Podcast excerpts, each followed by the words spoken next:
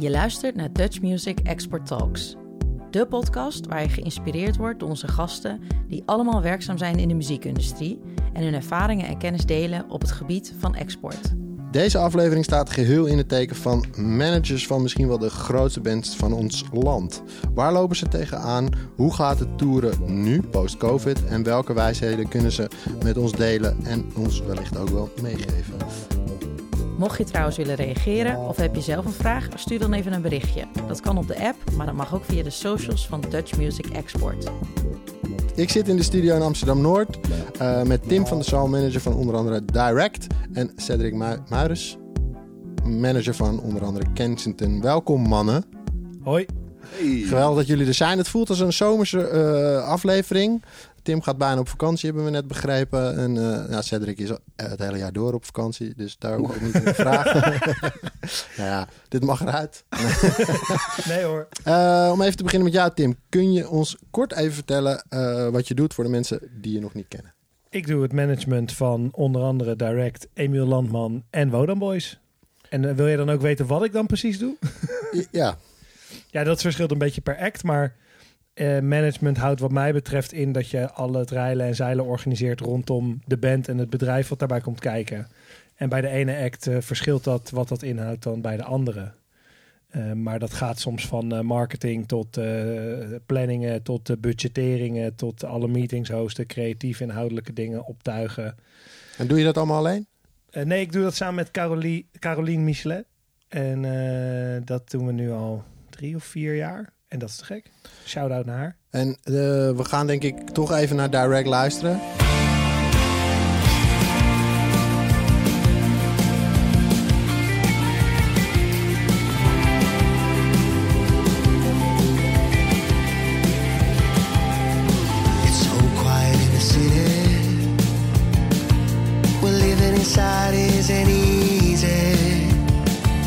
drinking at my own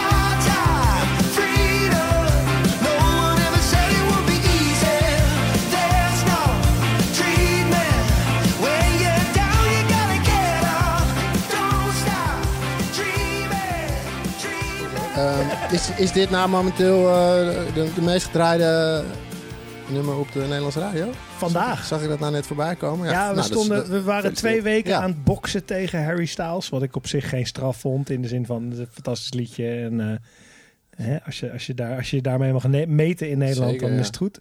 Maar vandaag hebben we hem ingehaald. Ja, dat, is, fe- dat is eh, een fe- fe- felicitatie waard. Ja, Eh, even naar eh, onze andere gast. In het kort voor onze luisteraars. Neem ons mee in jouw eh, drukke bestaan. Eh, ik ben inderdaad ook manager. Ik doe management van onder andere Kensington, Sophiestraat, Donna Blue, I Am Ook. Eh, maar ik run ook Snowstar Records, dat is een platenmaatschappij. En eh, die bestaat sinds 2003. En soms loopt dat door elkaar, dus er wordt muziek op uitgebracht van artiesten waar ik ook het management van doe. Maar soms heeft dat ook helemaal niks met elkaar te maken. Heel tof. En waar gaan we even naar luisteren vanuit jouw stal om mee te beginnen?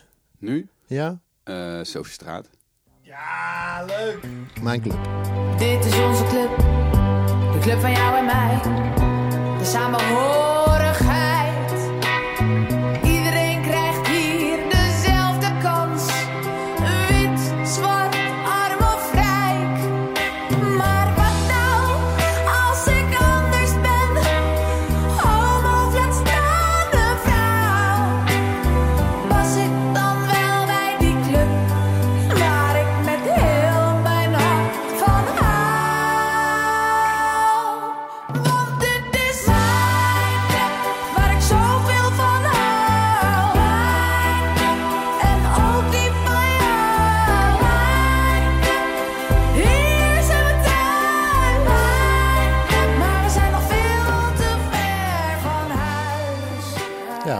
Soverstraat.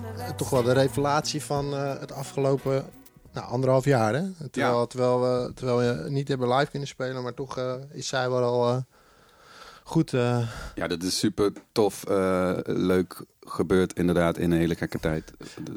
Zij ging muziek maken voor het eerst eh, toen alles dicht was. En eh, toen was er ineens een band en toen was er ineens een carrière. En eh, ja, het ging eigenlijk heel hard. en het is ook jouw eh, jongste toevoegingen aan je roster, toch? Ja, dat klopt. Zoveel Ja. Eh, even terug naar hoe het allemaal is begonnen. Het is wel leuk om aan de luisteraars te vertellen, want jullie zijn ondertussen al eh, ja, door veel mensen, zijn, zijn bij veel mensen jullie bekend. Jullie werken met de grootste acts van Nederland. Maar hoe begint dat, Tim? Eh, in mijn geval begint dat op de HKU. Ik heb Art and Economics gestudeerd in Utrecht, eh, muziekmanagement. En eh, aan, het einde, aan het einde van die eh, opleiding moest ik gaan afstuderen. En dat kan daar heel tof binnen je eigen bedrijf of binnen het opzetten van je eigen bedrijf. Dat is een speciale route die je dan kan bewandelen. En ik was al heel veel tourmanagement, productie, dingen aan het doen op festivals aan het werk en weet ik het wat allemaal. En toen ben ik binnen dat afgestudeerd. En toen begon ik met het management van de bands Soul Sister Dance Revolution en Time Twee Oh ja. jonge Haagse acts. Die namen op eh, bij Bas van Wageningen, de bassist van Direct in de studio. Die, had, eh, of die heeft een studio in Den Haag. En die eh, was toen der tijd bezig met een platenlabeltje dat Homebase Records heette. Waar deze bands ook op uitkwamen. Dus ik ging ineens heel veel met hem samenwerken in de laatste fase van mijn studie. En toen ik was afgestudeerd, eh, ergens in 2014, toen ehm, kreeg ik op een gegeven moment een belletje van dezelfde Bas. En die zei, eh, ja, we hebben net een eh, meeting gehad met Edwin Jansen, onze manager. Werkte oprichter van AT Management. En het slechte nieuws is, AT Management gaat stoppen te bestaan. Dus wij zijn managementloos. En het goede nieuws is, daar zouden we eens graag met jou over willen kletsen. En toen begon in 2015 dat avontuur. Dus zo is dat allemaal een beetje bij mij gestart. En nou, had je dat zelf eh, van tevoren kunnen bedenken? Dat je al toch vrij snel na je studie dan... Ja, Nee. toen ook al een grote band Nee joh, ik, luister, ik werkte gewoon nog bij de Albert Heijn eh, drie dagen in de week om een beetje geld te verdienen. en, eh, en de bandjes was dan daarnaast. En dat be- werd best wel serieus hoor. Ik- Vooral met Time Here toen der tijd. 2014 speelden zij gewoon elk Nederlands festival. Gingen internationaal showcase. De, tekenden een deal bij Sony voor, voor Europa. eh, hadden een grote internationale agent. Gingen naar South by Southwest. De hele Ik dacht altijd dat jij dat toch ook managede? Of was Ja, ja, dat deed ik ook. Precies. Zeker, ja, ja. En ehm, eh, nee, allebei die bands deed ik het management Ah, voor. oké, ja. Right. En ehm, met, eh, dus dat, ging, dat werd wel substantiëler, maar was nog lang niet daar op het punt dat ik eh, alles aan Niet meer bij de Albert Heijn Nee, ik moest gewoon een beetje don't quit your day job, toch? Gewoon eh, een beetje klussen om eh, de rekeningen te betalen. Als een gemiddelde muziek startende muzikant eigenlijk. Ja, ik bedoel, eh, whatever it takes. En eh, dus, maar je had dus wel al behoorlijk wat werk verzet in het management voordat je met Direct begon te werken. Nou, ik vond dat dat wel meeviel, want ik begon in 2000, ja, eind 2012 met, met Soul Sister Dance Revolution en halverwege 2013 kwam volgens mij Time Here op mijn pad. Dus ik was nog geen anderhalf jaar Ja. manager. Daarvoor had ik echt wel veel meer productiewerk gedaan. Dus gewoon eh, stage managen en eh, weet ik het, locatiemanagement, eh, mee op tour met acts, dat soort dingen. Maar niet echt management management, maar dat, dat gebeurde gewoon zo. En eh, blijkbaar beviel dat. En eh, in 2015 met Direct begonnen. Was, was, was Tamir eh, toen ook ten einde, het management daarvan? Nee, die zijn pas gestopt in 2016. Eh, sterker nog, 2015 hebben zij internationaal heel veel gedaan. Van, van Europese tours tot met support van de Cooks en de Arkels en festivals in Duitsland, Oostenrijk, Zwitserland. Eigen showtjes uiteindelijk. En dus een deal met, met Sony voor, voor Europa. eh, daar allemaal uitgesleept, zeg maar. Eh, dat, dat was een beetje dat jaar, dus dat was best wel druk. Die zaten echt meer in het buitenland dan in Nederland. Dus dat was ook heel erg leuk en heel erg interessant. want dat had ik ook nog nooit Mooie ervaring lijkt me ook. Ja, Ja. te gek. En ehm, nee, dus daar was, ik zeker, daar was ik zeker nog druk mee. En eh, pas in 2016 kwam daar een beetje boven het drijven van de koek een beetje op was.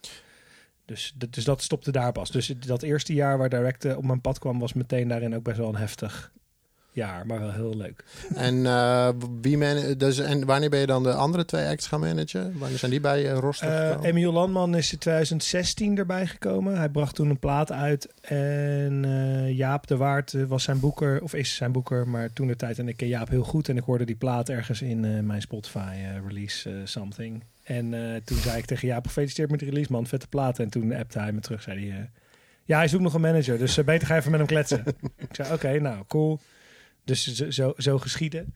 En Wodan Boys is een project van Thomas van der Wand, die de zanger was van Soul Sister Dance Revolution. En Mickey B. Wessels, die de gitarist slash songwriter was bij Time Here, of een van de songwriters. En die heb ik ooit een keer bij elkaar eh, in de studio gezet, omdat ze los van elkaar hele gave dingen aan het maken waren. En allebei op zoek waren naar iemand om dat mee te gaan doen. En zei ik van, moeten jullie niet gewoon samen iets doen? En dat was eh, blijkbaar heel erg gezellig, want dat doen ze nog steeds. En dat is de Wodan Boys. En dat is in 2019 zijn we daar een beetje mee begonnen. ja, dus, eh, Jij bent gewoon de papa Dickie van Wodan Boys. Ik ben de papa Dickie van Wodan Boys. Voor de mensen die dat niet begrijpen, dat is de vader van Jamie, de drummer van Direct. Ja. Dat is een soort van de geestelijk vader van de band die Ja. ooit Jamie op sleeptouw nam om een band, Band te te vormen, vormen. met eh, leeftijdsgenootjes. Vet. maar wat er wel leuk is, is dat je dus in principe een roster hebt wat bestaat uit echt de, een van de topbands in Nederland. En je- waarvan je kan zeggen, ja, dat is gewoon een, een middle-tier career ar- artist, weet je wel. Die zit, want die streamt, die heeft vooral heel veel gestreamd. Hè? Misschien doet hij dat nog steeds. Ik ben, Ja. ja. En dan met de Wooden Boys ben je ook weer iets nieuws aan het proberen Ja, eh, door te laten breken. Ja, ik vind dat altijd heel erg leuk en ik hoop ook dat het altijd naast elkaar kan bestaan. Ik vind het heerlijk om, eh, om een dagje te tourmanagen bij de Wodan Boys en gewoon kisten de bussen in en uit te slepen en eh, dat te doen. Eh, terwijl ik het ook te gek vind om een vijfjaarplan te schrijven voor de carrière van Direct. Ja, en Wat een heel en uit te verkopen. En Ahoy uit te verkopen en, en een plaat op de radio te hebben. Maar het een is niet leuker dan het ander. Het is gewoon anders. Dus ik hoop wel dat ik allebei die dingen altijd kan. Prachtig kan verhaal. Even naar je overbuurman. Ja, tuurlijk. Het heeft ook een mooi verhaal. Ik ken het al, maar de luisteren misschien niet al onze luisteraars. Dus het is toch leuk om even te horen hoe het voor jou is begonnen. Ja, wel ietsje anders. Ik ben eh, eh, ook wel net wat ouder dan Tim. En toen ik eh, ging studeren, toen, ja, toen was er volgens mij wel net een rockacademie. Maar dat vond ik een beetje... Toen was ik volgens mij bang dat dat, dat dan mijn passie mijn huiswerk zou gaan worden of zo. En toen ben ik eh, neuropsychologie gaan studeren. maar ik ben, ik ben eigenlijk altijd dit werk aan het doen geweest. Helemaal vroeger eh, zat ik zelf in bandjes en... eh, dat hing allemaal in punkrock scene. Eh, dat ondernemende DIY van die scene heeft me altijd enorm aangesproken. En ik was ook altijd de guy die dan shows ging organiseren en eh, tapejes ging maken. En, eh, en dat ben ik eigenlijk altijd blijven doen. Ook, ook om... eh maar dat, De ondernemer in de band was je aangekomen. ja, dat zeker. Ja. En nu zo in hindsight denk ik dat ik ook alles wat ik zag gewoon ging doen om er dan achter te komen wat ik vet vond. Dus ik heb echt nog een studio mee opgebouwd, bands opgenomen, ook inderdaad tourmanagement. eh eh, ja, mee eh, gewoon rijden en helpen en merch verkopen, eh, flyers maken, shows organiseren. Toen ik nog eh, in Panningen woonde, het dorp waar ik ben opgegroeid in Noord-Limburg. Daar was één jongerencentrum en daar ging ik een punkfestival organiseren. En toen had ik bedacht dat ik dan eh, door het dorp naar de winkels ging om te vragen of ze een advertentie in het programmaboekje wilden zetten voor 15 gulden. En dan had ik 40 van die dingen verkocht of zo. En daar betaalde ik die bands mee. En toen was het dus eigenlijk de avond al kiet voordat die begon. Maar toen was het ook nog weer uitverkocht. En dat heb ik best wel vaak gedaan. Toen ging ik in Maastricht studeren. En ehm, toen eh, hield het allemaal eh, richting het einde van die studie een beetje op met mijn eigen band. En dat vond ik ook wel prima, want ik vond steeds meer mijn plek achter de schermen eigenlijk. En eh, dat, ik kende via die eigen bands al wel Kensington. En eh, we speelden vaak samen. En ik werd op een gegeven moment Welk toen... jaar hebben we het dan over? Even weten. Nou, na, Kenston zoals Kenston is, eh, dat is begonnen toen Niles erbij kwam, 2007, 2008. Oh ja. En eh, vlak daarvoor eh, was ik gewoon involved en werd ik de boeker eigenlijk. Dat heb ik dus ook nog heel veel gedaan. En toen gingen zij hun eerste EP maken met z'n vieren. En die heb ik toen uitgebracht in 2008 Op op Snowstar. En toen was ik dus label en boeker. En toen... eigenlijk was ik toen al allemaal management dingen aan het doen voor die band. Alleen had ik zelf ook nog niet, hadden we allemaal nog niet zo goed door dat dat gewoon dat was. Totdat ik eh, vond dat ik die boekingen niet meer moest gaan doen. En dus een boeker wilde zoeken die dat dan wel kon gaan doen. En toen hebben we een gesprek gehad van ja, eigenlijk Wat is je die- rol? ja, precies. En dat, dat is toen wat formeler en officiëler geworden. Toen heb ik ook al eh Roel Koppen van Friendly Fire erbij eh, betrokken. Die net dat bedrijf had gestart met eh, twee anderen. En dat, eh, dat is een heel mooi team ge- gebleken en gebleven. 15 jaar dan al. Ja. Gaat dat eh, enorm snel. En is Kensing dan ook de eerste act geweest die je bent, formeel bent gaan managen? Ja, dat liep een beetje gelijk met Nobody Beats the Drum. Dat was een live electro act. Ook een beetje in die jaren. Die zijn rond 2012 gekapt uit mijn hoofd. En dat was ook heel grappig, want ik zat zelf in een band en we waren altijd op tour. Eh, en dat was een electropop ding, dat heette Findel. En eh, twee van die jongens van die band, of drie zelfs, die zaten in de klas bij Sham van Nobody Beats. En Sham had aan hun gevraagd: Ja, jullie zijn altijd op tour, je bent nooit op school. hoe, what the fuck? En toen hadden ze gezegd: Ja, ja, dat doet Cedric. Oh ja, nee, stel mij ook eens aan die gast voor dan. en ik weet nog echt supergoed dat ik, ik kende Nobody Beats Drum niet. En ik had wel dit verhaal dan gehoord en eh, wilde het wel eens zien. En toen ging ik kijken bij een show. En ik was echt zo eh, blown away. Ik had nog nooit zoiets gezien. En eh, ik was helemaal niet thuis in elektronische muziek of achtergronden van dancemuziek. Maar ik, ik vond het zo fucking vet wat ik zag. Dat ik toen helemaal niet dacht van... oh, ik moet de manager worden van deze act. Maar wel dacht van, ja, ik wil dit... eh, Wil je iets mee? Ja, ik moet hier iets mee. En toen... eh, toen was het eerste ding wat we gingen doen was... is- Want wij kwamen af en toe in Engeland met die band van mij. En eh, toen hadden we afgesproken... oké, dan ga ik een Engels toertje voor jullie boeken. Eh, maar in ruil wil ik dan mee om te helpen. en dus zij dachten, oh ja, oké. Win-win. Maar dat was heel leuk. En zo, heb ik dat, dat, dat, zo ben ik een management uiteindelijk gaan doen. En ehm, eh, ja, dat, is, eh, dat eh, kun je een podcast aan zich opvullen. Mooie avonturen mee gehad. Ja. ja. Zeker, ja. ja. En het is ook wel een mooi te horen, want eigenlijk het geldt voor jullie allebei. Het is niet per se dat jullie maar oh, je richt op één genre of zo. Het is gewoon wat tof is en wat goed is en wat je leuk lijkt, komt voorbij. En dan pak je dan wel of niet op. En het een wordt een succes en het ander nog niet. Of zit op de helft. Of... ja. Maar Nee. wanneer werd het dan duidelijk dat het wat meer de focus, zeg maar. Maar ik kan me ook voorstellen dat je op een gegeven moment niet meer, wat Tim ook zegt, wel elke week met die covers aan het bent. eh, want je hebt ook een label te runnen, dat wordt ook steeds groter.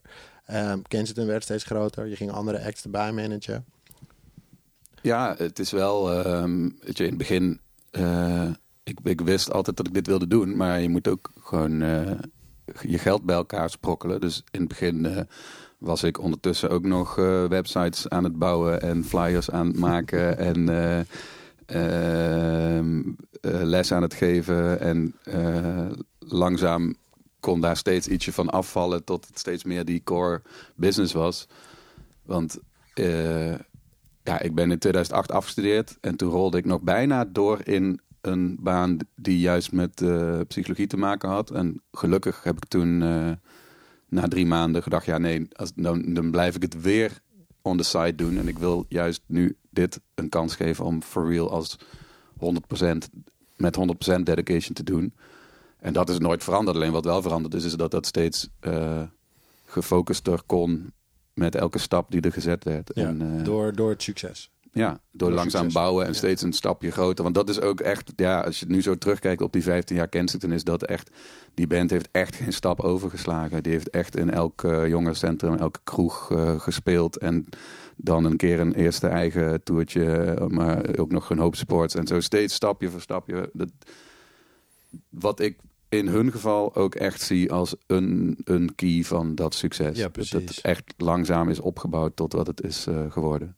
Maar nu is het wel je dagelijkse beslommering. Bestaan uit het label en het management. Of heb je nog meer leuke dingen die je Ja, ik, ben, ik vind Iets het met wijn? heel leuk. Ja, precies. Ja, wijn. Uh, ja, en film is er bij mij steeds meer ingeslopen. Dat heb ik altijd leuk gevonden en interessant gevonden. En uh, ik heb het ook altijd gek gevonden dat die twee industrieën niet meer naar elkaar gekeken hebben in de tijden dat het uh, heel slecht met, met beide ging. En ik ben op een gegeven moment begonnen gewoon zonder netwerk of voorkennis met films die ik dan gezien had en vet vond, maar niet in Nederland uitkwamen, toch een keer draaien. En dat werd ook weer per ongeluk steeds groter. En nu inmiddels ben ik eh, officieel één dag in de week programmeur van eh, Leiden International Film Fest. En doe daar ook nog PR-dingen mee. Maar in de praktijk loopt dat door elkaar. Het is niet dat ik zeg, dat is de maandag. Eh, en richting het festival is dat drukker. Maar ja, dat is een ding wat ik leuk vind. Dus dat, dat krijgt een steeds grotere rol in mijn week. En dat doe je ook vrij goed hoor. Dankjewel. Ik ben op menig filmavond geweest. Ik, ik kan, ik, wanneer is de volgende? Ja, nou ja, nu is de focus even op Liv. En dat is eh Leiden? 3 tot eh, 13 november in Leiden. Ja, en, Dat eh, kunnen we in onze agenda zetten. ja zeker. Kom langs. Eh, dan Mooi. drinken we een wijntje. Mooie spoiler voor luisteraars. 3 tot 13 november. Ja, en dat, dat, eh, dat, dat eh, overkoepelend organiserende ding heeft zich ook geuit in een rol in het eh, MMF, Music Managers Forum. eh, en eh, in de SENA, waar ik ook in een raad zit. Eh, dus ik blijf toch, ik blijf toch slecht in eh, nee zeggen. Je doet moet- echt zo ongelooflijk veel dingen. Ja, en elke keer dan denk ik, ja, ik moet dat niet doen. En toch denk ik elke keer daarna, ja, maar het is wel echt heel leuk. Nou, het is ook een beetje het gevaar toch van de business waarin we zitten. Want er zijn gewoon heel veel takken heel interessant. Ja, dat, Het is, het is niet alleen maar, ik zit op mijn kantoor en ik ga achter mijn laptop en achter mijn telefoon en ik ga de hele dag zitten bellen. Nee, je, je komt ook elke keer weer iets tegen waarvan je denkt, hey, is dit interessant voor mijn band? Is dit interessant voor mijn bedrijf? Is, weet je, dat is toch zo? Ik Ja. bedoel, ik word elke dag geprikkeld. En dat- Cedric doet wel echt veel. ja, dat is maar wel- triggert dan ook we zetten er even een dikke, dikke streep onder. Ja, ja. Cedric doet echt heel veel. Echt veel. Maar geef eens ons een inkijkje, Tim. In jou, hoe ziet een dag er bij jou dan uit? Eh, nee, ik doe dus veel minder. Ah, jongen. Nee, maar, ehm, eh, maar ook wel redelijk bewust, omdat ik ook gewoon niet per se die ambitie heb om, een, eh, om zo gek label veel te doen. Nee, ik, ik laat dat graag bij de mensen die daar heel goed in zijn, omdat ik ook niet per se weet of dat iets is voor mij. Als het moet, doe ik het wel. In de zin van als ik met een act bezig ben dat geen label heeft, Ja. dan ben ik het label, als zijnde de manager en dan gaan we dat fixen. Maar ik schroom ook niet om heel veel dingen uit te besteden. In de zin- omdat ik denk dat het daar beter van wordt. Ja. Niet omdat ik dat, dat niet zelf wil doen. Ik ben niet vies om eh, de mouw op te stropen en aan het werk te gaan. Maar gewoon, je wil gewoon het beste voor je act. En dat ben ik niet altijd in sommige dingen. Maar, Maar, een dag- een voor ook mij- delegeren, hè? Dat, Ja, is, dat- dat is heel belangrijk. Dat was ooit iemand. Ik organiseerde ooit een bandjesavond op een middelbare school. En daar was. Dat, is, dat, is wel, dat was wel vet. Daar was de. De, de conciërge daar was de oude Rody backliner van Direct. Wat ik toen niet wist, overigens. Maar die, ik wist wel dat hij wel dingen in muziek had gedaan. En hij hielp mij daar een handje. En op een gegeven moment stond ik echt natuurlijk gewoon letterlijk alles in mijn eentje te doen. Want ik had helemaal nergens over nagedacht. Behalve dat we dit gingen doen. En eh, ik stond zelf het PA aan te zetten en de kaartjes te verkopen. En tegelijkertijd, bij wijze van spreken. En toen zei hij eh, inderdaad van... eh, delegeren kan je leren. Ja. En hij had gelijk. ja, nee, maar het is, het is ook Maar- iets wat je moet Maar dat is dus ook best wel mijn ja. job. Als je zou moeten omschrijven van wat ik doe op een dag, is eigenlijk de juiste mensen aan elkaar knopen en, en dat in de gaten houden en zorgen dat dat rolt en ruilt en zeilt. Dat iedereen gelukkig is, dat iedereen kan doen wat hij moet doen. Dat, dat is het allerbelangrijkste. En dat Daar doet ze. herken ik me heel erg in hoor. Nee, tuurlijk, dat doe jij ook. Jij staat niet ook. We maken grapjes over, maar inderdaad, dit is het heel erg. Plus eh, het, het oneindige eh, problemen oplossen. Ja, ja dat. En, en, eh, en dat, dat. Dus hoe dan zo'n dag eruit ziet, dat verschilt van de telefoon opnemen en mailtjes beantwoorden, zoals je zei, gewoon een dag op kantoor, tot creatieve en inhoudelijke meetings houden, tot zakelijke meetings, tot de hort op om nieuwe dingen te ontdekken of te onderzoeken. Ja. Eh, showcases in het buitenland om nieuwe connecties op te doen, ook in het binnenland trouwens. Ja. Eh, eh, eh, dit soort dingetjes af en toe eens doen. En waar, want waar, waar, zijn, waar ben jij nu druk mee als je het hebt over... De, nou, Emi- Emiel speelt dan niet, maar de, de Wooden Boys en Direct. Wat zijn de grote aankomende plannen? Misschien kunnen we ook een beetje... Dat was ook de reden, een van de redenen natuurlijk dat we jullie ook hebben uitgenodigd. We, zijn, we zitten in een post-covid-periode tijd. Ik wil het woord eigenlijk niet meer gebruiken, maar om het te duiden. We zijn weer enorm veel aan het spelen. Festivals vliegen je om de oren. Jullie bands zijn daar overal headliners. Wat is er... Is er iets veranderd, zeg maar, sinds eh, we weer terug... eh, in deze regelmaat zitten. En, en, en, ja, en deel daar eens wat ervaringen in, als jullie dat eh, willen. Ja, nee, er er veranderde natuurlijk twee jaar geleden ineens iets. Is dat ik hou heel erg van plannen maken. Ja. En het liefst zo ver mogelijk. En voor de ene act is dat verder dan voor de andere act. Ik bedoel, met een act als Wodan Boys maak ik een jaarplanning of zo. Of, of een een idee van wat wil je dit jaar bereiken, wat ga je gaan een EP uitbrengen en wat zijn dan dus de te nemen De stappen. stappen. En er is wel een globaler idee van waar het verder naartoe moet als je denkt over de jaren, maar heel concreet is dat nog niet. Bij een Act als Direct maken we elk jaar, elk- elke vijf jaar een plan voor vijf jaar. Ja. En dat vullen we in en daar plakken we steeds een jaartje bij. Eh, maar dat kan bij zo'n act al veel concreter. Ja, dat, dat kon natuurlijk ineens niet meer, omdat we echt niet wisten. Nou, Waar we nog toe wel, waren. maar ja, precies. Dus het werd je, je kon het wel maken, anders. maar je had er niks aan, want elke maand veranderde alles. Ja. Soms veranderde het zelfs per dag. Dus dat was wel lastig, maar ik vond dat, ondanks dat het een kuttijd was, ook een leuke uitdaging. Ik had ook wel zoiets van, oké, maar we're going to make this work, weet je wel. Eh, als morgen alles overhoop gaat, gaan we morgen compleet nieuwe plannen maken. Heb je daar de band nog van moeten overtuigen? Nee, Of was bij iedereen eh, nee, de bij, koppen, direct, eh, bij Direct is de werkethos daar. Weet je wel? Iedereen heeft zoiets van, ja, eh, let's go. Schouders eronder, vlammen. eh, eh, niet bij de pakken neerzitten? Nee, Laat ons nee, niet daar verslaan door... Nee, daar hebben we geen tijd voor en geen zin in. En, en, en, en we gaan er iets van maken. En natuurlijk, andere dingen zijn misschien leuker, maar we gaan er gewoon voor. Ehm, dus, dat, dus dat was heel anders. En dat doet me ook wel wat meer twijfelend kijken naar die lange termijn plannen. Als in, ik weet gewoon niet zo goed waar alles nu naartoe gaat. Mhm. Maar ik ben op dit moment ook alweer op het punt dat ik denk van ja, maar wat gaan we dan doen? Gaan we dan afwachten totdat we iets horen? Nee, we moeten plannen maken. Dus die vijf jaren planning hebben we weer opgepakt. En we zijn daar gewoon mee doorgegaan. En eigenlijk het enige wat er is veranderd is dat we nog iets eh, bewuster omgaan met een spaarpotje. Ja. En nog iets bewuster omgaan met het feit dat, oké, ja, het kan zomaar zo zijn dat er een aantal maanden of misschien zelfs wel een aantal jaar agenda verdwijnen. Dat is nu blijkbaar ineens de realiteit, Ja. wat het nooit was hiervoor. Eh, en, en, en daarvoor moet ik zeggen dat we het ook al wel goed geregeld hadden. Als in, wij hadden een spaarpot waarvan we dachten van... oké, als we ooit een keer een half jaar een plaat gaan maken... dan moet het niet zo zijn dat iedereen een bijbaantje moet zoeken om de huur te betalen. Dus er moet een gezonde spaarpot met geld in het bedrijf zitten. Daar zijn we misschien gewoon nog iets defensiever in geworden. Ja. Want dat heeft heel erg voor ons gewerkt. Daardoor konden wij de- het eerste jaar overleven zonder eh, pijn en moeite financieel. En daar kwam dan nog bij dat we allemaal dingen gingen doen die ineens toch ook een be- best wel wat geld opleverden. Was niet genoeg, maar was iets waar bij heel veel mensen het niets was. Ehm, en Maar die- da- daar hebben we wel van geleerd van dat is super waardevol. Maar ik weet dat jullie net, volgens mij net voordat corona eh, ons allemaal te grazen nam, zeg maar, eh, waren jullie ook jullie eerste buitenlandse tour aan het Ja. doen.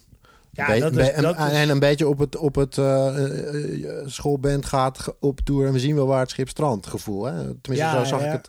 zeker. Zo werd het wel een beetje gebracht. Van, het Zo moet het gewoon leuk zijn. Ja. Maar dat is toch wel iets wat je ergens in het vijfjarenplan hebt gezet. Met misschien wel zo van, nou oké, dan doen we dit eerst. En dan een jaar later dan doen we de volgende stap. Maar dat, dat dus is- al, dat kan dus al twee jaar niet meer. Nee, en dat is dus heel vervelend, omdat inderdaad december 2019 hebben wij een toertje gedaan. Acht shows door vijf landen. Super klein. De kleinste was eh 100 cap en de grootste 300. En eh, we hebben denk ik 70% van de tour verkocht aan tickets. Uiteraard aan 60, 70% eh, expats die in het buitenland wonen en een paar fans die naar eh Düsseldorf komen rijden. Nederlandse fans. Nederlandse fans, ja, ja, zeker. Maar, maar ook eh, eh, eh, 40, 30 procent locals die daardoor wel een leukere avond hebben, want het staat gewoon voller. En dat was heel tof. En daar kwamen de eerste dingen uit. We hadden, we hadden drie evenementen in Duitsland sta, eh, melden zich voor die zomer. We zouden Rockpalast gaan spelen. Oh, ja. Reperbaan werd serieus overwogen. Dus, dus dat stond best wel goed. We zouden eigenlijk eh, het weekend dat hier alles dicht ging, die Rockpalast show doen in, in Duitsland. Wat voor televisie is, voor Ja. de mensen die dat niet weten.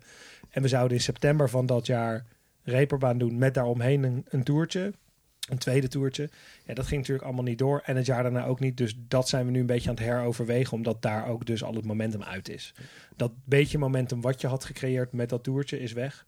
Dus waarschijnlijk moet je dat dan nog eens een Weer keer van opnieuw scratch doen. af aan. Maar nu in Nederland is het zo gekkenhuis dit jaar dat we daar gewoon eigenlijk geen ruimte voor hebben. We gaan wel volgend weekend doen de jongens twee Duitse shows, een festival en een outdoor podium wat er de hele zomer staat. En we gaan in september een gig doen in Londen, wat ook nog hier een, een, een, een hoe noem je dat, een, eh, een, eh, uitwerking van was. Ehm, en vanaf daar gaan we weer eens dat heroverwegen voor volgend jaar. Kijk, onze agenda is natuurlijk gewoon afhankelijk van Nederland. En gelukkig Nederland het- is ook leidend, denk ik. ja, ja, ik bedoel, daar betalen we de rekeningen van. Daar zit een heel groot succes voor de band. Dus daar kunnen we niet zomaar eh, van afstappen. Maar we beginnen ondertussen ook nog steeds te groeien. En wordt het, wordt het voor ons ook wel steeds. We komen steeds in een hoger segment, waardoor je eh, makkelijker ver van tevoren weet hoe je agenda eruit ziet. En dat die agenda misschien ook wel iets beknopter wordt, omdat je wat grotere shows doet voor iets meer geld. Precies. Waardoor je minder shows in, in verhouding doet. Dus we kunnen nu steeds wat makkelijker zeggen: Oh, we kunnen daar twee weekjes iets doen. Of we kunnen daar een maand iets doen. Of daar een paar weekenden iets doen. Ja, dus daar zijn jullie wel al naar aan het kijken en over aan het nadenken. Ja, dus dat zou wel te gek zijn. Want dan kan je in die momenten wel bijvoorbeeld zeggen: Nou, we gaan toch weer eens een keer twee of drie weken dat rondje door Europa doen. Maar dus, maar dus- dan speelt er in ieder geval niet wat er nu wel speelt. Wat je wel veel hoort, is dat er gewoon nog steeds problemen zijn onderweg bij de festivals, personeelstekorten. Nou, vind ik Ja. wel. hoor. Ik, eh, niet om... eh, Nou, in, in onze persoonlijke case valt het mee. Mhm. Wij hebben qua crew eh, eh, bij ons intern gewoon is, is in principe alles voor elkaar. Qua productie ook. Wij hebben een lichtset mee, die huren we het hele jaar. We hebben tafels mee, die huren we het hele jaar. En jullie hebben je Maar crew is- misschien ook wel bij elkaar kunnen houden door de dingen die jullie hebben ondernomen in de, Dat- in de twee jaar van. eh, dat was voor heel veel dingen ook soms een reden om het überhaupt te doen. ja, om, omdat we ons heel erg bewust zijn van het feit dat al die mensen gewoon thuis zaten en dat die wel part of the family zijn. Zeg maar, door en met hun zijn we waar we zijn en doen we wat we doen. Tot op zekere hoogte.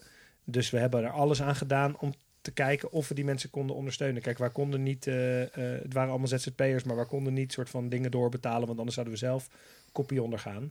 Maar eh, er kwam wel eens een promootje binnen waarvan wij dachten van, ja, deze hoeven we niet te doen. Maar dan kunnen de blazers en de toetsenist weer even betalen. En dan kunnen de twee geluidsmannen mee. En dan, dus misschien wel gewoon Ja, goed om te precies. doen. dus in Nederland is het, is het. Maar Maar ik hoor aan alle, aan, Ja, alle- alle andere fronten wel dat er heel veel problemen zijn vanuit festivals, met crew, met leveranciers, met, met personeel. nou, en het we hebben ook een cancellation gehad van één festival wat het niet voor elkaar kreeg.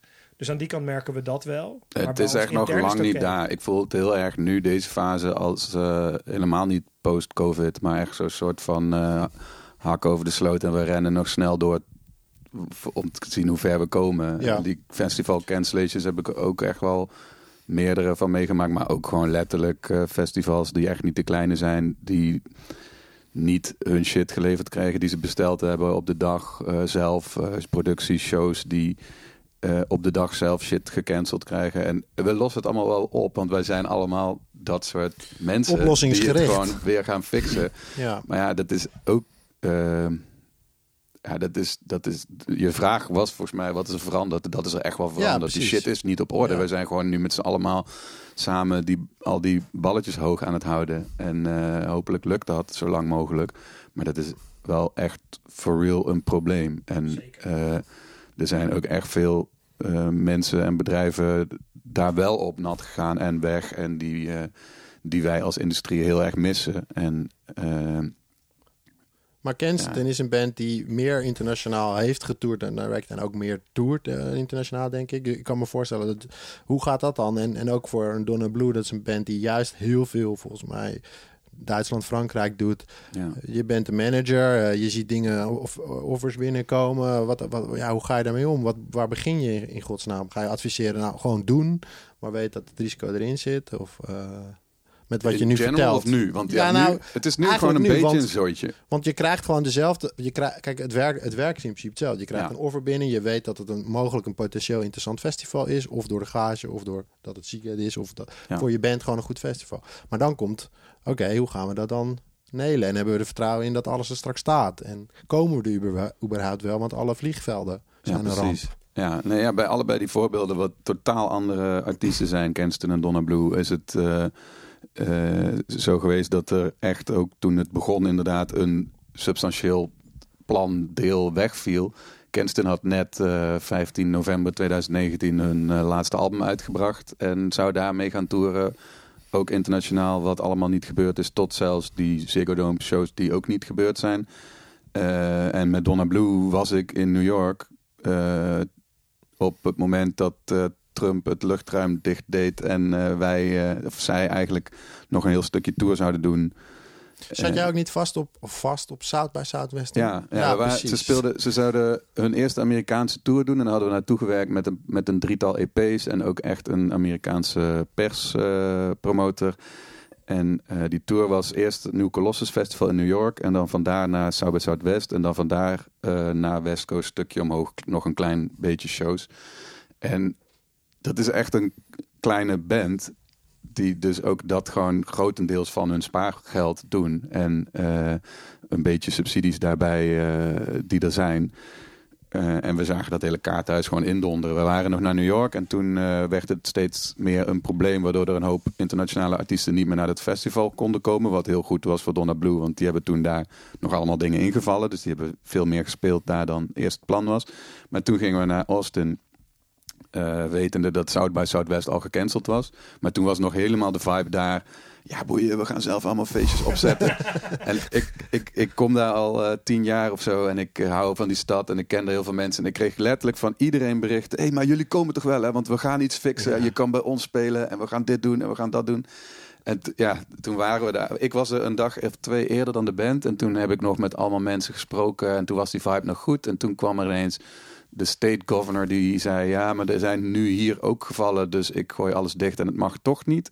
En toen sloeg het echt in die twee dagen om naar angst. Maar toen was die band toch op weg daarheen. Dus toen zaten we met z'n vijven in Austin...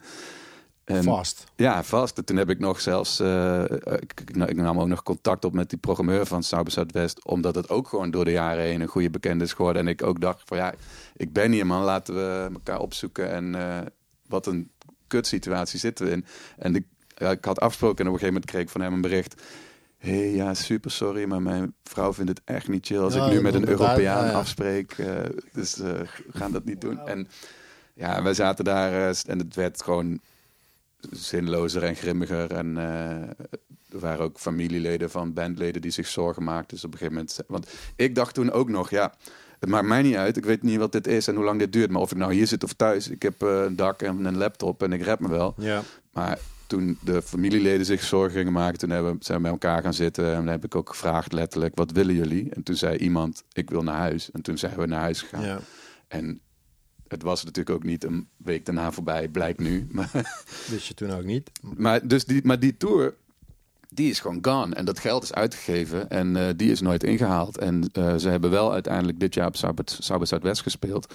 Wat heel fijn is. Maar het, het voelt toch nog steeds als... dat was dat eh, dan nog een inhaal, mag ja. je dat zo noemen? Een ja, inhaalshow van Ik, eh, 2009? vorig jaar eh, kregen we de vraag of ze iets in wilden leveren voor het digitale festival. Als een soort Make-up. make-up, ja. Ja. En toen zeiden ze daar ook al bij... als je dat om wat voor reden dan ook niet wil... dan kunnen we het volgend jaar opnieuw bekijken... of we het dan wel echt door kunnen laten gaan. Toen hebben we die gok genomen en dat, dat kwam goed. En die band bestaat nog en dat is goed. Maar, maar in het geval van die Europese Tour van Kenston... ja, die wordt niet meer ingehaald. En Want we zitten nu ook nog... gewoon in de laatste ronde shows met die vier boys... Ja, omdat Eloy nu gaat stoppen. ja. ja. Dus dat, ja, dat was zo dat was zo pijnlijk. We- zaten tegenaan te hikken dat dat, eh, om dat nieuws aan te kondigen. En toen leek het ook nog alsof het allemaal wel goed ging met eh, de, de lockdown-achtige Ja. regels. En toen, eh, eh, daarom eh, is dat het moment geweest dat naar buiten ging. En volgens mij echt een, max een week later moesten we die eh, toen komende Ziggo Domes cancelen. Dus dat was echt... Ja, dat was zo Want dit zuur. nieuws zou eigenlijk al eind 2019 naar buiten gaan. Nou, toen niet, maar er Nou, zat wel een tijd tussen dat we aan het wachten waren van ja, we willen dit nu zeggen, maar Ja. dat, hoe, hoe ga je dit nu zeggen? Precies. Ja, en dat soort momenten die zijn wel echt killing, man. Ik weet ook nog, ik liep toen op eh Le Guess Who rond toen dit was. Dus toen wij onze Ziggo Domes moesten cancelen, omdat alles weer opnieuw op slot ging. En dat, voor Le Guess Who was dat letterlijk, oh, we hebben een festival en nu hebben we geen festival Ja, meer. precies. Dat weet ik me ook nog herinneren, ja. Ja, ja. en iedereen liep daar rond en, en iedereen, zeg maar, ja, je hebt dat Gingen ze nog festival... naar overdag verplaatsen, toch? Ja, en heel veel dingen last minute seated fixen. En super, echt awesome dat ze nog shit voor elkaar hebben gekregen. Maar ja, dat is echt een festival waar ook heel veel industrie rondloopt. En iedereen kent elkaar en iedereen liep daar echt elkaar ja, eh, een, een hand op de schouder te leggen van fuck. Ja. Ja, dat, eh, dat, dat gevoel is nog niet weg bij mij. En eh, dat... eh, Nee, want er is nog niet het volle, volle vertrouwen. De- zeker als je kijkt gewoon naar het buitenland en, en die risico's die, die daarmee gepaard gaan om die weer te nemen. Nee, nee ja, we, we, I am ook, waar ik ook mee werk, die, we zijn nu letterlijk sinds 2019 bezig met een Japan-tour verplaatsen bijvoorbeeld. En het is op dit moment nog steeds niet mogelijk om als toerist naar Japan te gaan. En ik heb nu een mail in mijn inbox van die Japanse boeker van hem, die het dus in december wil boeken. En ik weet niet of ik dat wel moet doen. Of dat, het, eh, dat ik het nu dan doe en dat het Ja. straks weer gecanceld wordt. En dat je weer geld hebt weggegooid. Ja. Dat soort dingen zijn ja, Hoofdpijn niet per se de, de, de uitdagingen waar ik heel blij van word. Ja. Ik word ook heel blij, net zoals Tim net vertelt, van eh, een plan maken en een stip op de horizon zetten. En dan kijken hoe je daar eh, via welke route dan ook terechtkomt. En nu is het meer, het voelt voor mij nu meer als kleinere stapjes survivalen.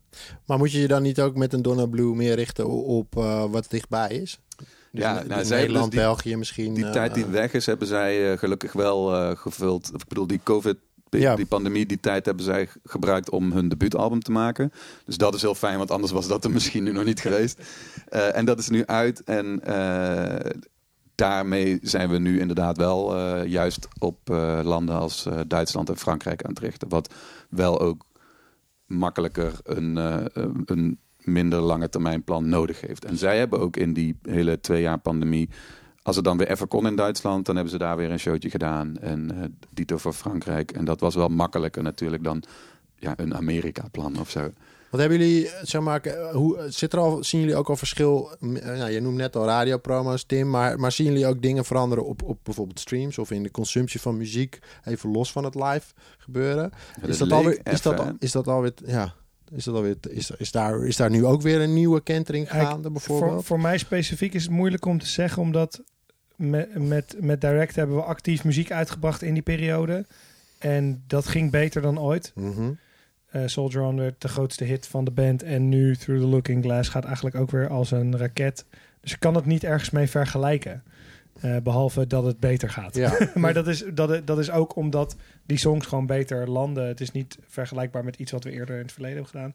En Bodem Boys heeft EP's uitgebracht, kan ik ook nog nergens mee vergelijken, omdat dat nieuw is. Maar dat streamt sowieso voor geen meter, want dat is helemaal niet de muziek daarvoor. Maar, maar, Maar zie dat- je bijvoorbeeld bij Direct dan, eh, om daar even op in te haken, eh, als het dan hier goed op de radio opgepokt wordt en, dus, en, en ook goed streamt, zie je dat dat zich ook vertaalt misschien naar streams in het buitenland? Of, is, of is dat, kan je, zou je dat niet kunnen zeggen?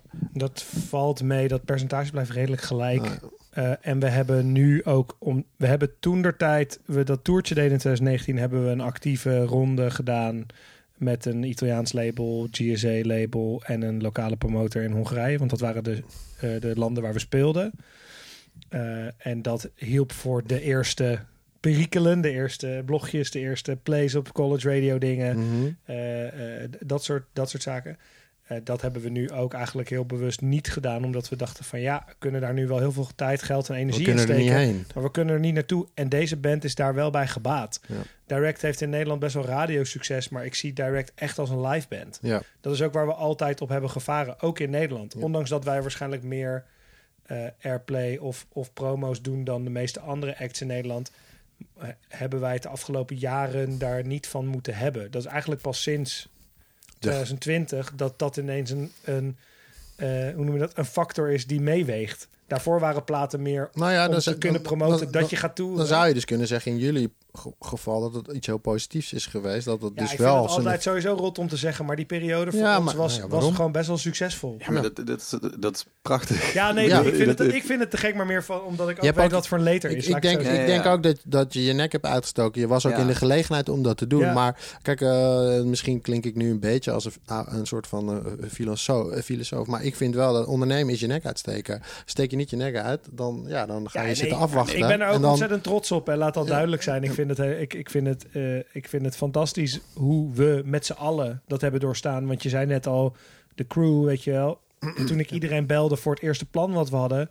En we allemaal nog niet wisten wat we daar... Weet je, we gingen die eerste livestream doen in 2020 in juni. En dit plan ontstond ergens een maand eerder. Dus laten we zeggen zes weken daarvoor. Toen heb ik iedereen gebeld en zeggen van ja, ik heb geen flauw idee wat we gaan doen en hoe dit gaat werken. En of we kaarten gaan verkopen of dat we geld vandaan Ja. ergens kunnen toveren of weet ik het wat. Maar, maar zullen we iets gaan doen? Ja. En toen zei iedereen, maar of het nou de techniekleverancier was, onze backliners, geluidstechnici, lichtjongens, weet ik het wat. eh, eh, eh, zelfs de ticketer en eh, agents, eh, onze boekingspartner en gewoon in de blazers en, en eh, de hele rattenplan, ieder en de schouwburg en iedereen zei Let's ja, go. alsjeblieft, Ja. laten we wat gaan doen. Ja, super hard. En het is, dat heeft echt better than ever uitgepakt. En jullie hebben dat echt Nee, heel goed gedaan. Dus dat, dat mag hadden ook, nooit verwacht. Ik, nee, ik had eerlijk... mag ook ik- gezegd worden. ja, nee. de- Mag je ook blij ik- mee zijn. Je, Ja, je kan, ook, ben ik ru- ook heel je kan ook op. rustig zeggen dat er een, een trend is gezet. Zeg maar. Ik bedoel, er zijn, in, in, in verschillende, er zijn verschillende artiesten geweest wereldwijd die iets enorms bijzonders hebben gepresteerd met een livestream, weet je wel. En ik denk dat dat voor, dat voor direct geldt in Nederland, 100%. Er is niemand die daaraan heeft getipt. Er zijn er nog best wel een aantal die het ook redelijk goed hebben geprobeerd. Volgens mij heeft Kenston ook op een gegeven moment nog een livestream gedaan in Ja, het Scheepvaartmuseum. Ehm, eh, dus, dus het werd op een gegeven moment ook wel vaker gedaan. En je zag ook wel dat er, dat er vanuit volgens mij de consument en de fan best wel. En er was, ja, er was wel behoefte. Ze wilden het ook gewoon Zeker. supporten. Ze wilden ook de artiesten er doorheen ja, slepen, als het ware. Maar al die eh, andere ev- events, alle livestream events, die staan in schril contrast. Hebben in schril con- contrast gestaan met, met Direct, denk ik. Ook qua me- media, want jullie zijn toen altijd in de media geweest met jullie livestreams, zeg maar. Ja, dat, dat... dat- was heel leuk om te merken aan het begin, vond ik. Kijk, we zaten allemaal op dat moment een maand of anderhalve maand in deze shitshow, zeg maar. En iedereen was het ook wel al een beetje zat aan het worden dat het alleen maar dood en verdoemenis was. En wij dachten dus ook van, oké, maar laten we dan iets, iets leuks doen op zijn minst. Weet je wel, gewoon om te kijken of we dat tij een beetje Ja. kunnen keren. Met de, alle beperkingen die we hebben. Ja. En, eh, en toen ik dus ook dit plan bedacht voor die eerste livestream in de Schouwburg in Den Haag. En ik alle, alle media's ging contacten van... eh hey, wij gaan eh, na het weekend dit aankondigen. Eh, doen, jullie, doen jullie mee? Jullie Kunnen mee? jullie wat over plaatsen? Kunnen jullie een interviewtje doen? Weet ik het wat? Eh, zei niemand nee. Nee, die waren natuurlijk ook hartstikke blij dat ze Ja, maar ieder- Eindelijk weer iets. Ja. Maar iets, iets iedereen- leuks te melden Maar hadden. zel- zeg maar, elk radiostation in Nederland van, laten we noemen, zeggen van betekenis, heeft gebeld. Ja. Met een van de jongens om te vragen wat we in godsnaam gingen doen. Eh, normaal kan dat niet, maar Boulevard en Shownieuws deden allebei een item. nee, maar en, we deden, en we deden bij de aankondiging, eh, ik weet het niet precies, maar deden we iets op RTL bij een talkshow. En de week van de show konden we ook bij de NPO nog langskomen. Al die, dingen, al die deuren gingen ineens open. En we hebben dat gewoon heel erg geprobeerd te benutten. En ook aangemoedigd, omdat wij het idee hadden van... laat dit ook een, laat dit ook een voorbode zijn voor wat er komen gaat. Laat dit een inspiratie zijn voor iedereen die nu thuis zichzelf zit op te vreten. Want dit gaat nog wel even duren. Wat, eh, wat en wel eh, een, laten eh, we er wat van maken. Weet Wat je. wel een mooie, bijna conclusie wil ik er niet van, maar laat het niet concluderen. Maar wat ik wel hoor nu, eh, en ik verzamel dat zo in mijn hoofd even bij elkaar, dat je eigenlijk ook wel zou kunnen zeggen dat mede doordat je al die initiatieven hebt getoond, die, die radiohits die je net benoemt, die is Soldier On en de, en de laatste song, die, eh, ja, dat is eigenlijk best wel verklaarbaar. Want je bent als band gewoon altijd in de picture gebleven. Dat is een, ik- ik vind het een, niet eh, per se heel mooi om te zeggen, in de picture blijven als band. Heel veel artiesten vinden dat ook altijd lastig, maar het is wel gebeurd. En, en daardoor ben je natuurlijk ook wel een vriend van de show geworden. Natuurlijk, je hebt Eh, ook ja. echt wel met goodwill te maken en met Precies. gunnen. En als jij, dat werkt altijd twee kanten op. Ja, dat, dat, dat, Ja, en eh, dat wilde ook niet alleen naar media zo toe, maar ook bijvoorbeeld naar onze fans toe. Van, weet je wel, van ja, het is shit. Ja, Laten we er wat van proberen te maken. En, en, en ik wil daarbij ook zeggen dat, want daar gaat volgens mij deze podcast ook een beetje over van hè, de, de, nou ja, de post of de halfway there coronatijd. We hebben, het ook, we hebben ook heel veel elementen daarvan meegenomen. Dus eh, wij hebben eh, een livestream gedaan in onze clubtour begin van dit jaar bij de laatste show. Waar alsnog 2.500 mensen een kaartje verkochten. Eh, we hebben, eh, we gaan, en we gaan dat dus ook blijven doen in de toekomst. Eh, maar, dat, is, ook, dat is toch ook een element waar, waarvan je zou kunnen zeggen dat dat iets is wat voor corona even happened eigenlijk nooit eh, in een draaiboek of in een plan waar we het net over hadden eh, eh, naar voren kwam Bij- managers Ja. niet, bij bands niet. Maar dat je dus als jij Nederland is vrij klein, maar stel je bent aan het toeren in Amerika of in, in Australië, whatever. Ja, dat land is zo groot. Als je maar drie steden doet, dan laat je ook heel veel mensen die misschien aan de andere kant van het land wonen, die laat je dan links liggen. Ja, en Bied je alleen, een stream aan, dan kunnen ze in ieder geval nog meekijken. ja, wa- wat wij alleen al merkten in Nederland, was mensen die niet zo goed ter been zijn. Mensen die oud zijn. Mensen die niet zoveel centjes hebben. Mensen die eh, eh, in een uithoek wonen waar we niet zo vaak komen. Ja. In het buitenland. Al deze mensen waren echt dolgelukkig dus je dat zou wij dit deden. Omdat ze eindelijk een keer het, gevoel direct- hadden dat ze ergens bij bij direct konden. Ja, precies. Ja. En dat, dat merkten we bij die livestream van dit concert wat we dit jaar nog hebben gedaan. Ook dat, dat waren niet dezelfde, dat waren niet de mensen die al een kaartje kochten. Of tenminste, waarschijnlijk ook. Er zullen ook mensen zijn geweest die in die tour zijn geweest en dachten: hé, dat was leuk, ik ga het nog even terugkijken. Maar dat waren vooral mensen die helemaal niet bij die shows konden zijn of, of weet je wel, daar niet in de gelegenheid toe waren. Het is Nee, ook dat een stukje nieuwe ook. markt. Ja. Even Ja, heel precies. plat geslagen. zeggen, ja. En dat is vet, niet alleen omdat dat geld oplevert, maar ook omdat je dus die mensen kunt bedienen. En hoe tof is het dat iemand, eh, we hebben, ik heb foto's gezien van mensen die in een ziekenhuisbed lagen en stream te kijken. Ik heb foto's gezien van mensen die, eh, eh, eh, weet je wel, met al hun vrienden ergens in de achterhoek, waar wij niet elke dag bij elkaar komen, in een partytent stonden met een heel grote beamer en de, en de geluidsinstallatie van binnen naar buiten en eh krat pils en weet je wel dat, having the time of their lives. We hebben ook ehm, eh, lokale ondernemers ermee kunnen helpen. Er waren kroegen die dan.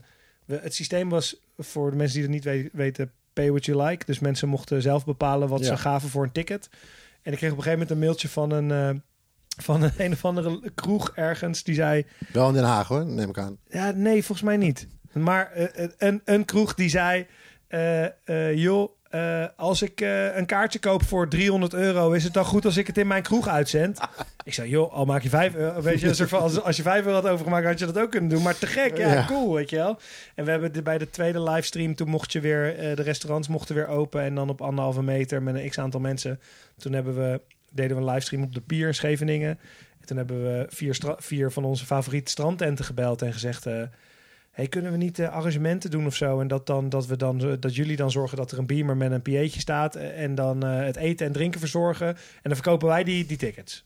En dan doen we daar split over en dan kunnen jullie wat geld verdienen. Ja. En dat is gaaf, weet je wel? Nou, zo, zo hebben we dat wel geprobeerd. En ik denk dat dat soort dingen we nog steeds willen toepassen in de toekomst. Dus ik sluit helemaal niet uit dat we blijven livestreamen. Ik sluit ook niet uit dat we met toffe lokale dingen, weet ik veel, kledingmerken, kleding blijven maken of met eh, eh, eh, ja, dat soort dingen. En dat was daarvoor wel minder. Ik moet zeggen dat wij er altijd wel mee bezig zijn geweest. Dit plan was ook niet per se iets compleet nieuws. Het, dat hele livestreamen of sessies opnemen, registraties doen, dat speelde bij ons al heel lang. Omdat, wat ik net al zei, Direct zie ik echt als een live band. Dus we willen ook die live profilering Mhm. hoog hebben. Dus dan wil je ook vette live content hebben. Eh, we hadden bijvoorbeeld in 2019 een live sessie uitgebracht met video. Die heette de Duif Sessies. Die hoorde bij een theatertour. Die we gewoon hebben opgenomen in de Duif in Amsterdam. Ja. En vette video van hebben gemaakt.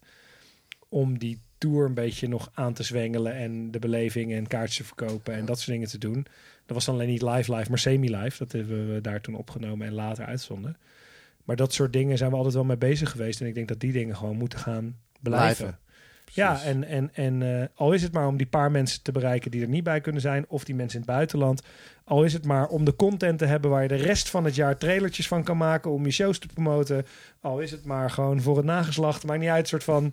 Je kan daar echt een heleboel vette dingen mee doen. En dat gaat allemaal wel, wel blijven. Te gek. We gaan eventjes eh, een bumpertje doen. Want we praten er veel over, maar we moeten ook af en toe even blijven luisteren. Volgens mij, als ik me niet vergis, hebben jullie ook twee liedjes meegenomen die jullie graag eh, niet willen pitchen, maar wel onder de aandacht willen brengen. Jij eerst. Ik ga het gewoon pitchen hoor. Want ik, ik, Yes! ik wil gewoon Donna Blue laten horen. Ja, daar hadden we het net uitvoerig over. Dus Ja, daarom. eh, zit daar nog een verhaal achter dit liedje? Eh, Solitaire? Nou, dit is dus van het debuutalbum dat nu wel uit is. En ehm, eh, ja, nou, wat, wat eh, opvallend is, is dat het een liedje is waarin eh Danique, de zangeres, in het Frans zingt. En eh, daar staan er twee van op de paard en dat hebben ze ook al eerder gedaan. En eh, ik weet niet of het alleen daar komt. Ik, ik denk niet dat het alleen daardoor komt. Maar het is dus echt heel lekker aan het gaan in Frankrijk. En, Nou, eh, het is wel een heel leuk bruggetje naar eh, misschien nog even wat meer toelichting daar zo direct ja, over. dat is goed. Komt-ie.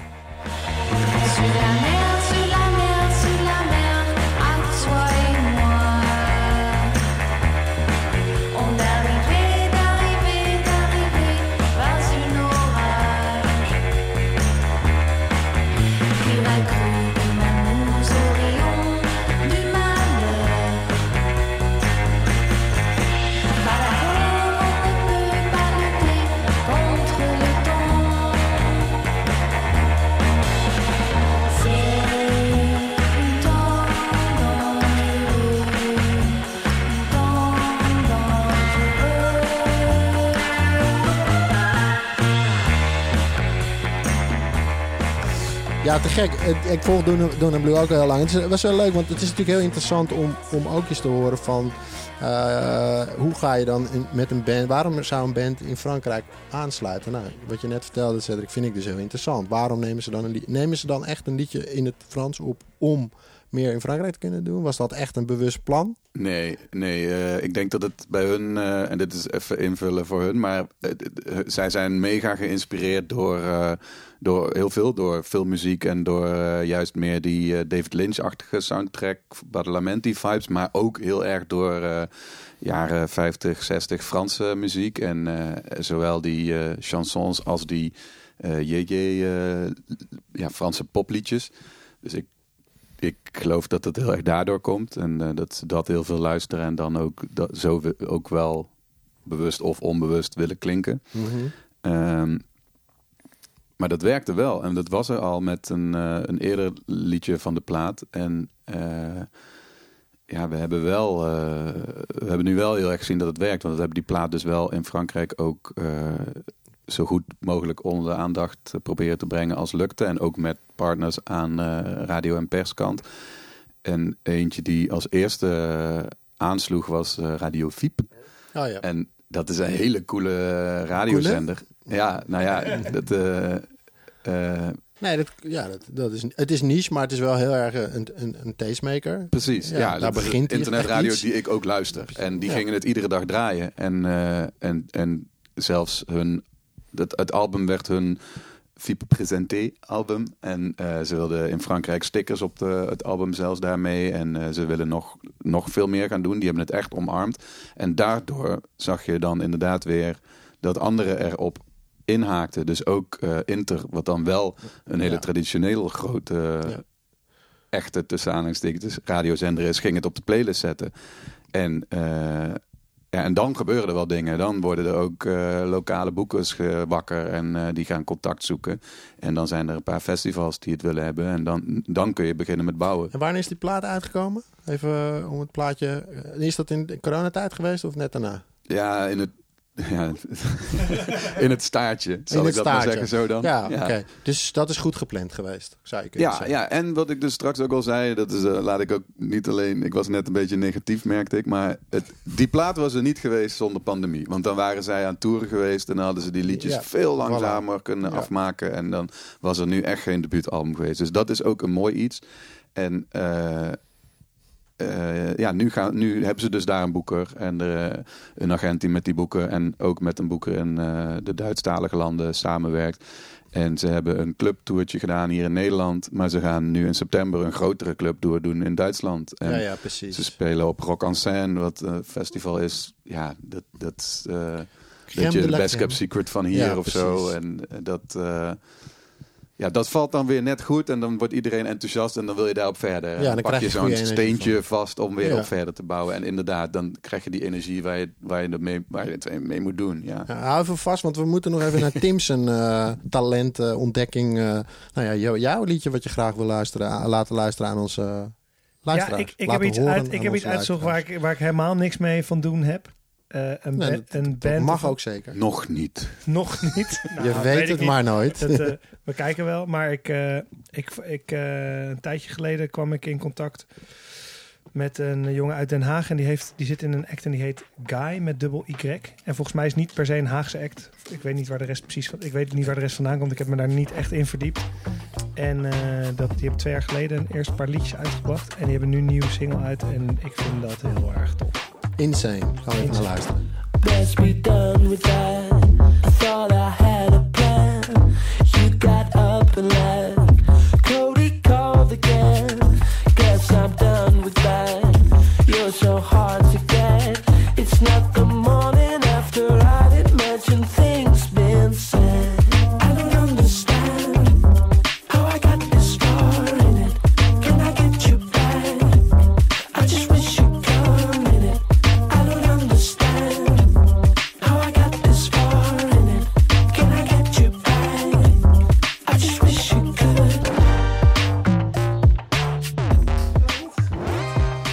ik vind het heel tof. Ik had het ook al. eh, Er zijn meerdere mensen die het eh, in de smiezen hebben. Ja, popronde inderdaad. En, eh, we gaan even een blik eh, op de toekomst werpen. We waren al een klein beetje onderweg. Eh, we gingen van voor naar achter en van links naar rechts. Maar ehm Donna Blue is niet per se meer echt een beginnende act. Maar ehm, die hebben toch echt behoorlijk wat meters gemaakt. Maar als jullie nu met, met Wooden Boys misschien... of in jouw geval, Cedric, zal er vast een andere band voorbij komen. Wat ga je ze meegeven als ze nu tegen jullie zeggen...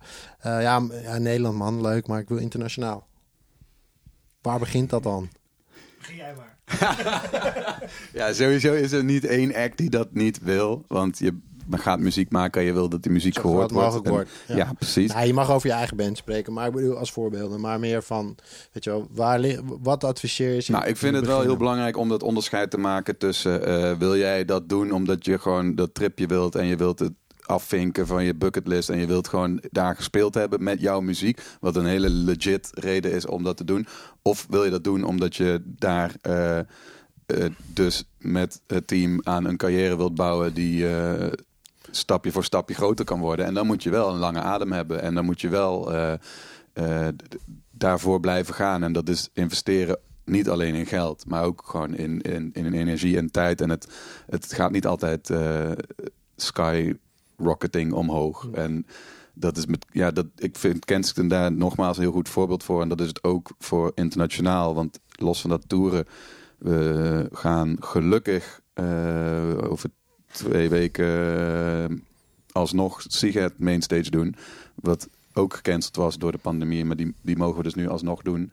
Maar dat is, ja, dan sta je Siget, Siget Mainstage, wat een fantastische eh, offer is. Maar dat is ook gekomen van de eerste keer eh, het eh, soort van Holland eh, Europa stage met alleen maar Nederlanders.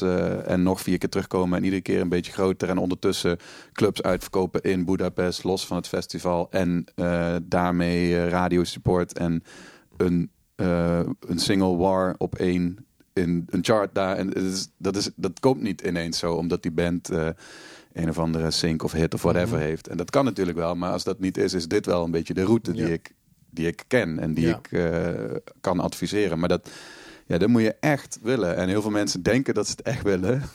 En dan komen ze along the line zichzelf toch weer een klein Ja. beetje tegen. Ja, absoluut. Was het toch iets zwaarder dan verwacht. Ja. Maar dan is je advies misschien wel volhouden. Ja, maar ook heel realistisch. Ja, eh, blijven. Ja. Want het is helemaal niet erg om erachter te komen dat dat eh, niet is wat je ambitie is. Als je, als je daarmee daarnaast gewoon hele vette andere dingen kunt doen die wel binnen je plan passen. Dat is helemaal niet een schande of zo. En eh, ja, je ziet het nu toch ook met een ding wat veranderd is, is dat eh Nederlandstalig muziek groter dan ooit geweest is hier. En nou, ik kan me heel goed voorstellen dat je daar ook niet per se een plan meemaakt om naar Amerika te gaan of naar Frankrijk of noem maar op. Op een gegeven moment, nee. Ja, misschien ook wel, maar En voor, en voor, de, voor, voor Direct en, en of voor, de, voor Wooden Boys, eh, internationaal, eh, zijn, er plannen voor? Of, of heb je Nou, daar gesprekken over met de Wooden Boys bijvoorbeeld? Dat lijkt me best... Ja, voor, voor Direct hadden we het net al even over. Ja. Daar ligt dat weer even een soort van op tafel na het laatste avontuur wat we gedaan hebben. Om te kijken Hey. of we daar weer vervolg aan willen en kunnen geven. Ja. Eh, maar als dat de route is, dan is dat exact de route die Cedric omschrijft. Dan gaan wij gewoon onderaan beginnen. Elk ticket wat je verkoopt is er één. En hopelijk worden dat er de volgende keer twee. Ik vind het ook echt heel leuk. Maar je moet het wel Je echt, moet het echt als je het gaat doen, moet je het ook echt Volhouden. doen. En, ja, het ja, is want dan is het gewoon met z'n allen de bus in en de Ja. drums bouwen. En na de afloop merch verkopen en dan eh, door. Ja. Zeg maar dat.